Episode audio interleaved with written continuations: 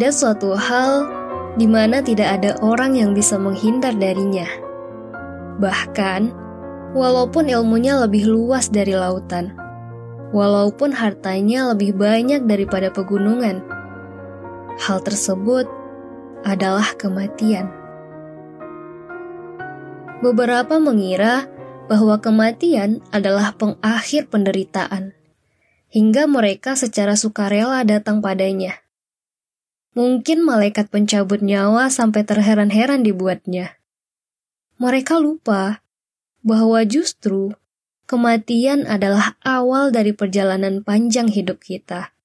Dan justru hidup singkat kita yang banyak pahitnya dibandingkan manisnya inilah yang menjadi bekal dalam menyambut kematian. Saking gentingnya makna kematian ini, Nabi Idris sampai ingin merasakan yang namanya kematian loh. Yuk, kita sama-sama simak kisahnya.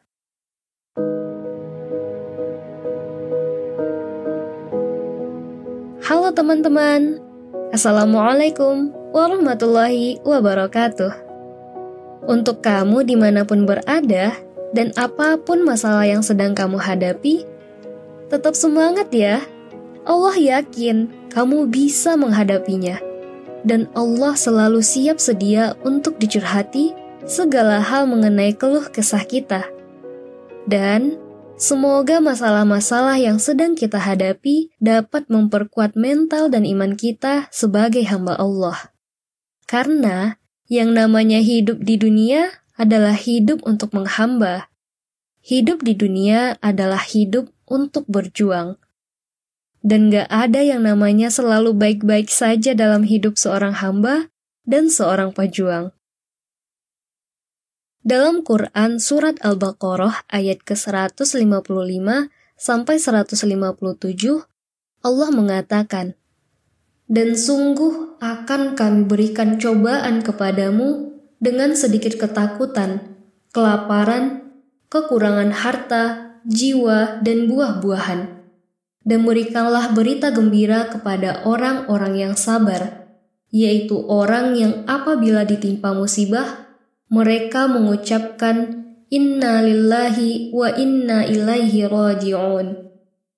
Mereka itulah yang mendapat keberkatan yang sempurna dan rahmat dari Tuhan mereka. Dan mereka itulah orang-orang yang mendapat petunjuk. Apalagi, kita hidup gak hanya asal hidup. Ada tugas dan tanggung jawab yang diamanahkan pada kita kami sudah mengulik tugas dan tanggung jawab itu di episode 21 yang berjudul Tujuan Allah Menciptakan Manusia. Jangan lupa untuk disimak ya. Oke, tanpa berlama-lama lagi, yuk langsung saja kita lanjutkan serial kisah Nabi Idris ini.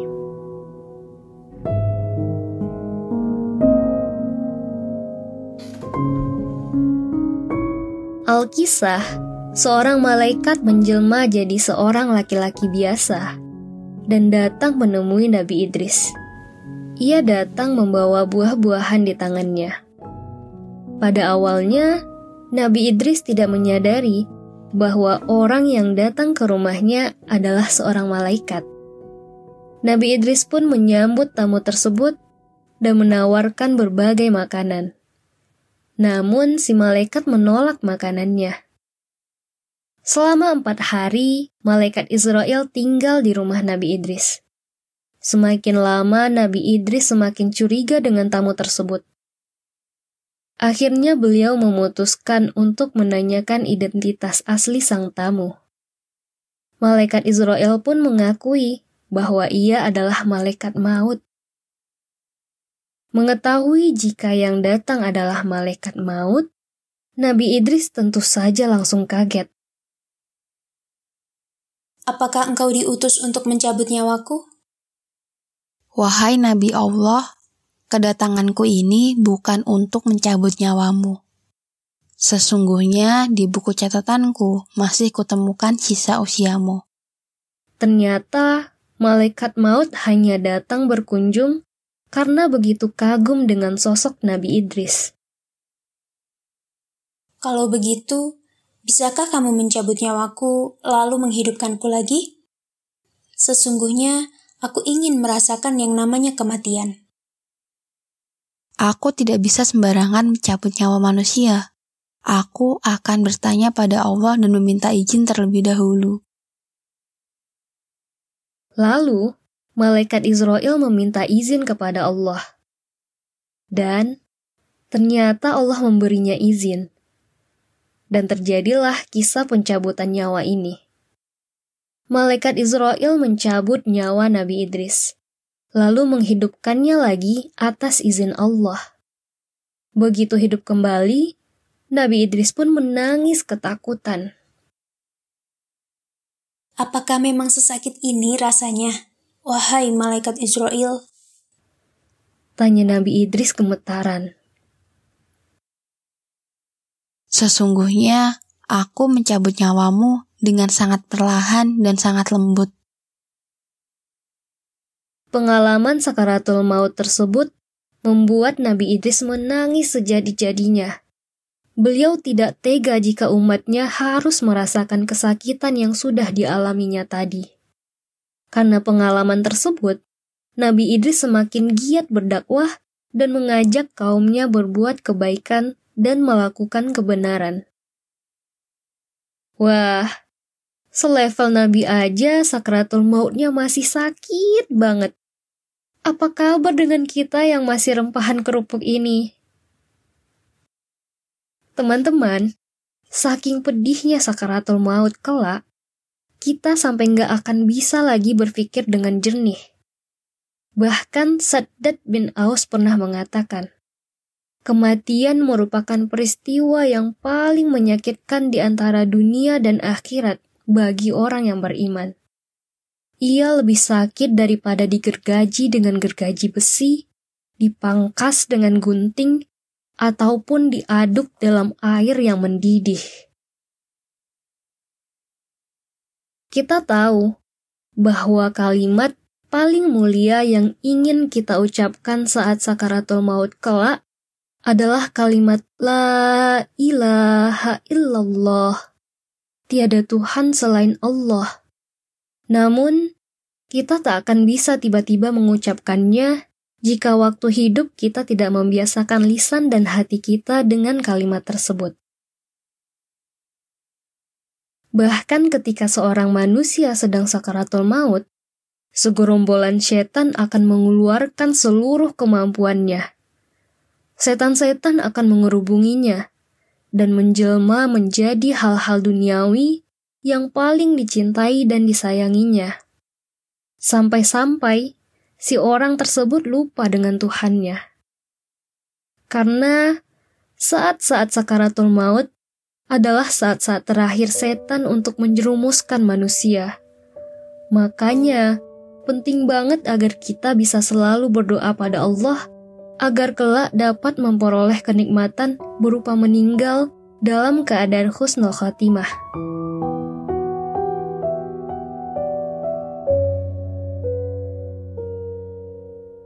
Setelah meninggal, kita mesti mengalami masa-masa penantian di alam barzah. Nasib kita di alam kubur pun akan ditentukan dari bagaimana kualitas hidup kita di dunia kelak. Belum lagi nanti harus melewati padang mahsyar, mizan, jembatan serotol mustaqim, dan akhirnya entah kita akan berakhir di surga atau neraka. Semoga kita termasuk hamba Allah yang diberi rahmat dan ridhonya ya, sehingga kita terjauhkan dari siksa api neraka. Teman-teman, penting banget nih buat diingat. Bahkan kita akan hidup kekal di akhirat kelak. Tak akan ada yang namanya kematian kedua. Bahkan, walau tubuh kita tercerai berai sampai tak berbentuk di neraka pun, Allah dengan kuasanya akan mengembalikan lagi wujud kita untuk kembali disiksa. Kita akan membahas mengenai neraka ini di episode 40 ya.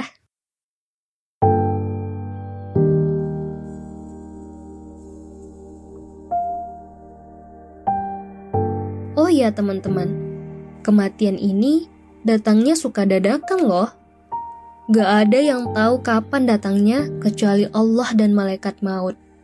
Bahkan, walau dokter terbaik di dunia sudah bilang kalau hidup kita tinggal sebulan lagi pun, kalau belum waktunya meninggal, ya nggak bakal meninggal.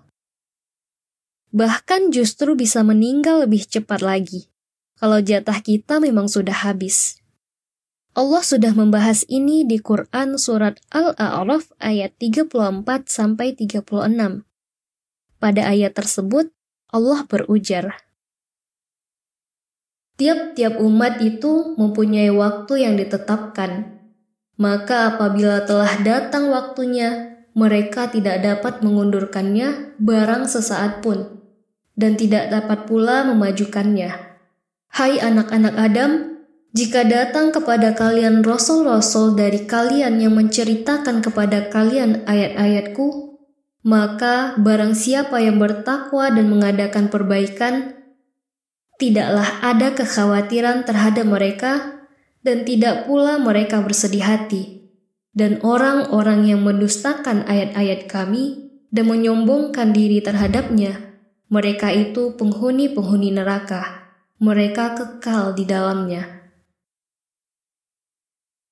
Ayat ini penting banget selalu kita jadikan reminder bahwa kematian tuh udah kuasanya Allah. Gak ada yang bisa majuin atau mundurin. Jadi, gak ada yang namanya seandainya gak begini dan seandainya gak begitu ya.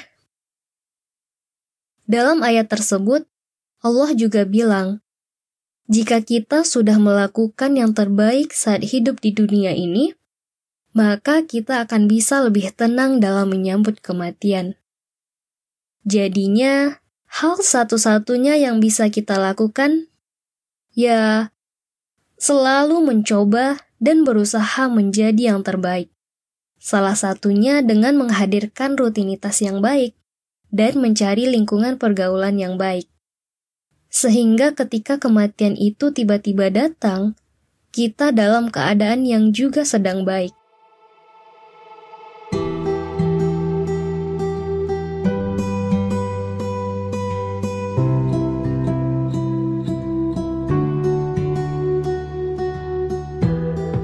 Walaupun kematian itu waktunya sudah pasti, kita tidak boleh secara dadakan menantang takdir Allah dengan berdiri di depan rel kereta yang melaju ya. Itu mah namanya sudah bosan hidup. Karena menjaga tubuh kita agar tetap sehat dan terhindar dari bahaya juga merupakan bentuk ibadah kita pada Allah. Kita tidak boleh sembarangan memperlakukan nikmat berupa tubuh sehat yang Allah titipkan ini. Kadang ada orang yang bilang, ngapain repot-repot olahraga? Dan ngapain repot-repot ngehindarin ini, itu? Kalau takdirnya meninggal, ya pasti akan meninggal. Iya, bener sih. Tapi kan setiap perilaku kita ada tanggung jawabnya dan perlakuan kita ke tubuh kita pun kelak akan dimintai pertanggungjawaban.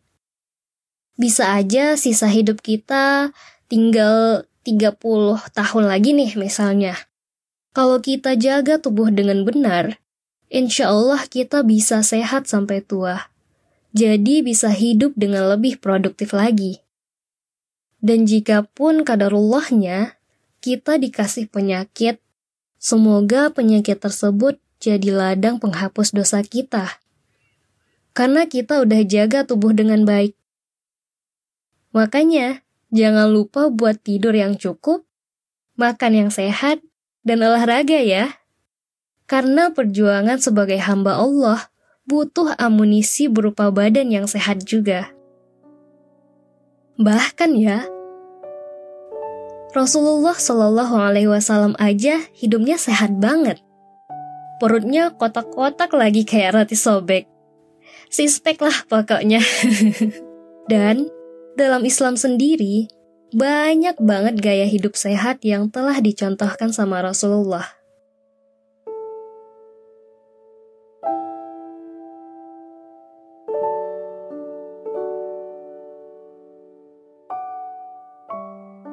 iya teman-teman, ketika kita meninggal kelak, maka semua yang kita kerjakan akan terhenti.